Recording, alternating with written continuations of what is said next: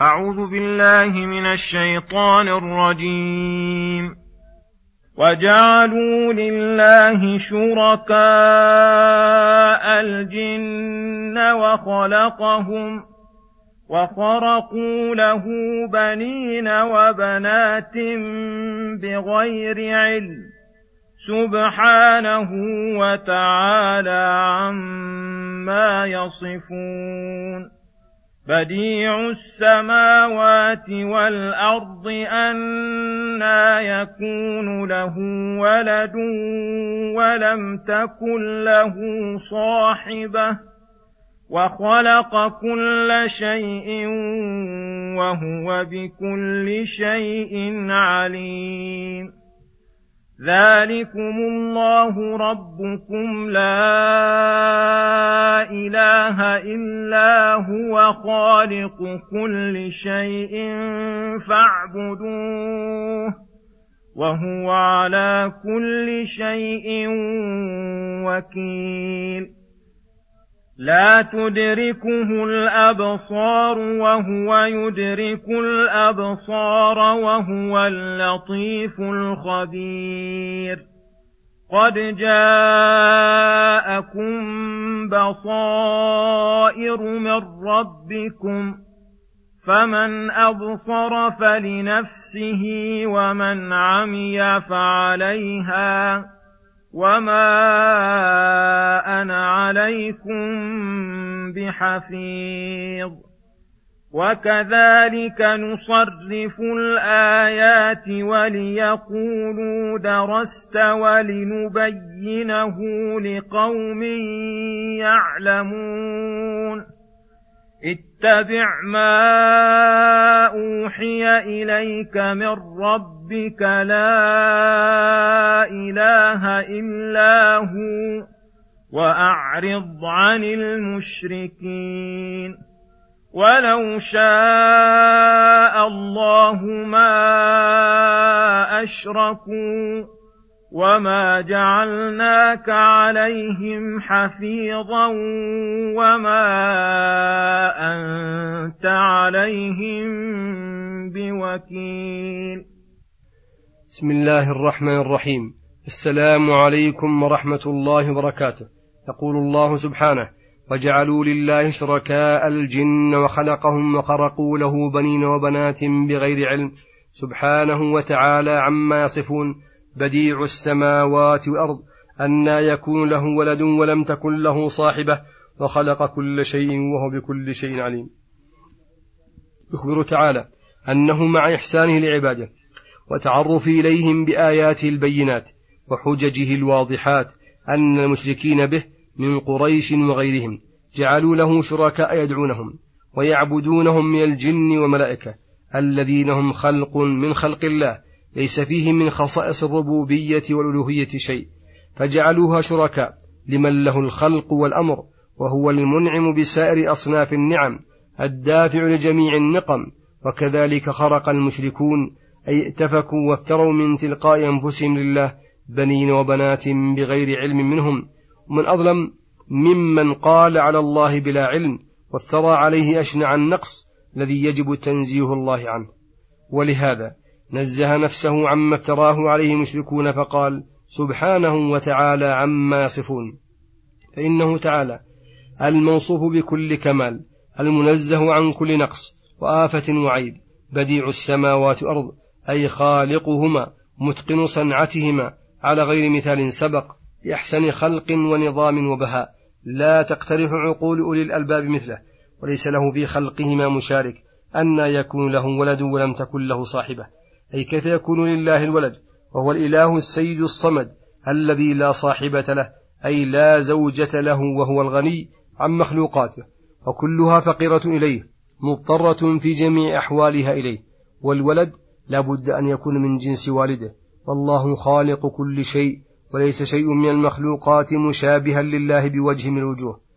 ولما ذكر عموم خلقه الأشياء ذكر إحاطة علمه بها فقال وهو بكل شيء عليم وفي ذكر العلم بعد الخلق إشارة إلى الدليل العقلي على ثبوت علمه وهو هذه المخلوقات ما اشتمت عليه من النظام التام والخلق الباهر.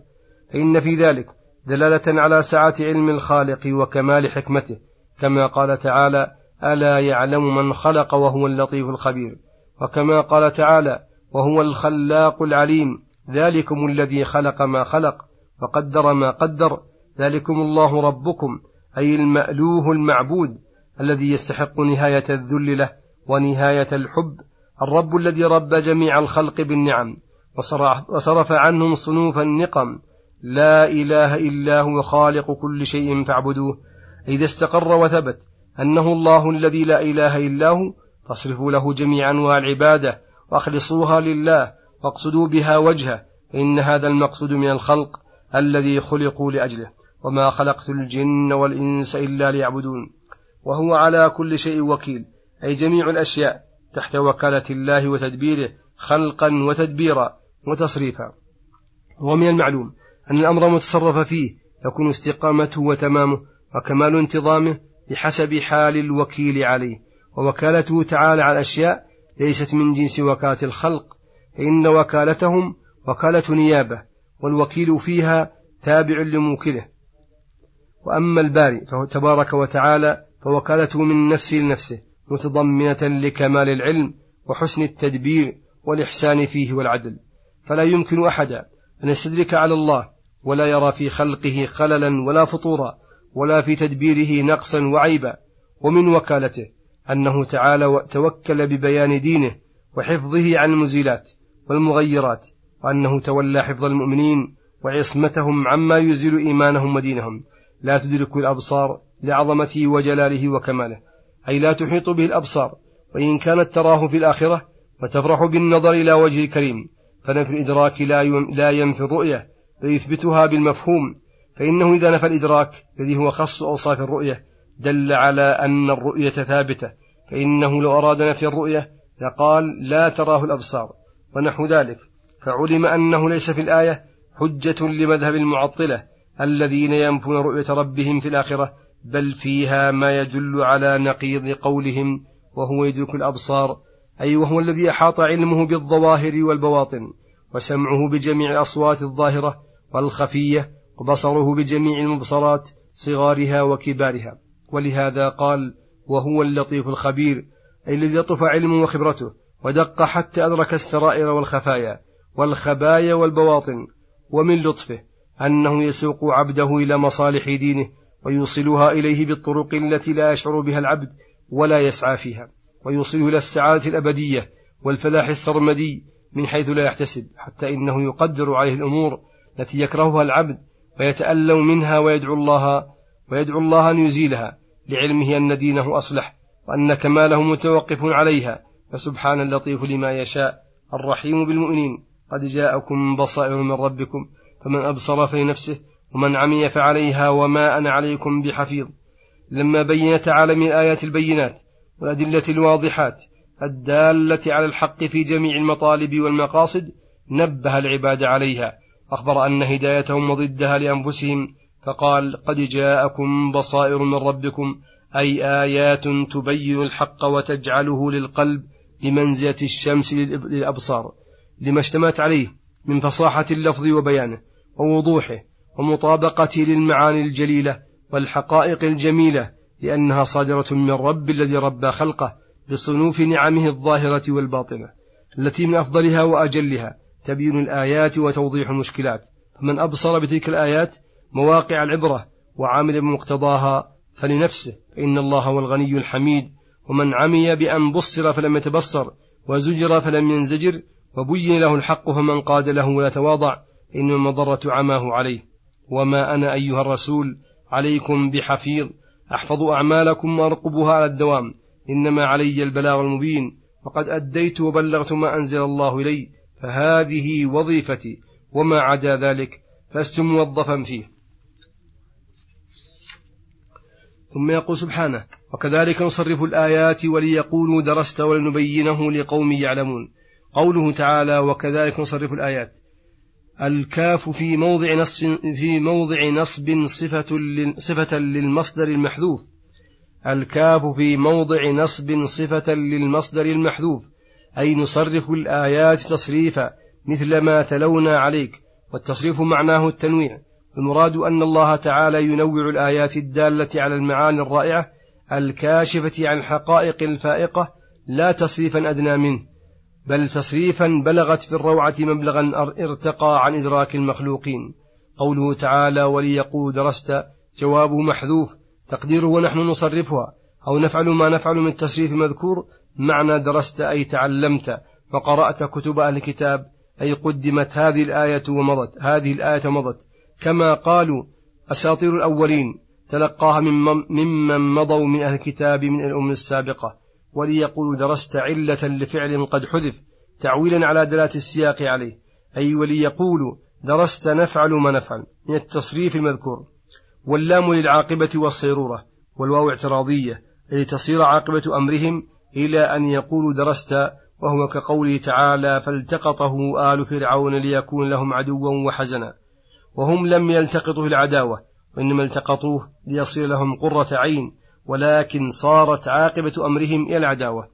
وكذلك الآيات صرفت للتبيين ولم تصرف ليقولوا درست. ولكن حصل هذا القول بتصريف الآيات كما حصل التبيين فشبه, فشبه به. وقوله تعالى ولنبينه. أي القرآن وإن لم يجد له ذكر لكونه, لكونه معلوما أو الآيات لأنها في معنى القرآن لقوم يعلمون الحق من الباطل. ومجمل معنى الآية مثل هذا التنويع البديع في عرض الدلائل الكونية نعرض آياتنا في القرآن منوعة مفصلة لنقيم الحجة بها على الجاحدين فلا يجد اختلاق والكذب فلا يجد اختلاق والكذب فيتهموك بأنك تعلمت من الناس. لا من الله ولنبين ما أنزل إليك من حقائق. ولنبين ما أنزل إليك من حقائق من غير تأثر بهوى لقوم يدركون الحق ويذعنون له. ثم يقول سبحانه اتبع ما أوحي إليك من ربك لا إله إلا هو أعرض عن المشركين. اتبع أيها النبي ما جاءك به الوحي من الله مالك أمرك ومدبر شؤونك إنه وحده الإله المستحق للطاعة والخضوع فالتزم طاعته. ولا تبالي بعناد المشركين ولا تحتفل بهم وبأقاويلهم باطلة. فقوله سبحانه ولو شاء الله أي إيمانهم فمفعول به محذوف. ما أشركوا. بين أنهم لا يشركون على خلاف مشيئة الله. ولو علم منهم اختبار اختيار الإيمان لهداهم إليه. ولكن علم منهم اختيار الشرك فأشركوا بمشيئته. وقوله تعالى وما جعلناك عليهم حفيظا. أي رقيبا مهيمنا من قبلنا من قبلنا مراعيا بأعمالهم بأعمالهم مأخوذا بإجرامهم وكذلك قوله وما أنت عليهم بوكيل من جهتهم ولا بمسلط تقوم بتدبير أمورهم وترعى مصالحهم والمعنى الإجمالي للآية والمعنى الإجمالي للآية ولو أراد الله أن يعبده وحده لقهرهم على ذلك بقوته وقدرته لكنه تركهم لاختيارهم وما جعلناك رقيبا تحصي, تحصي عليهم أعمالهم وما أنت بمكلف بأن تقوم عنهم بتدبير شؤونهم وإصلاح أمرهم وصلى الله وسلم على نبينا محمد وعلى آله وصحبه أجمعين. إلى الحلقة القادمة غدا إن شاء الله. والسلام عليكم ورحمة الله وبركاته.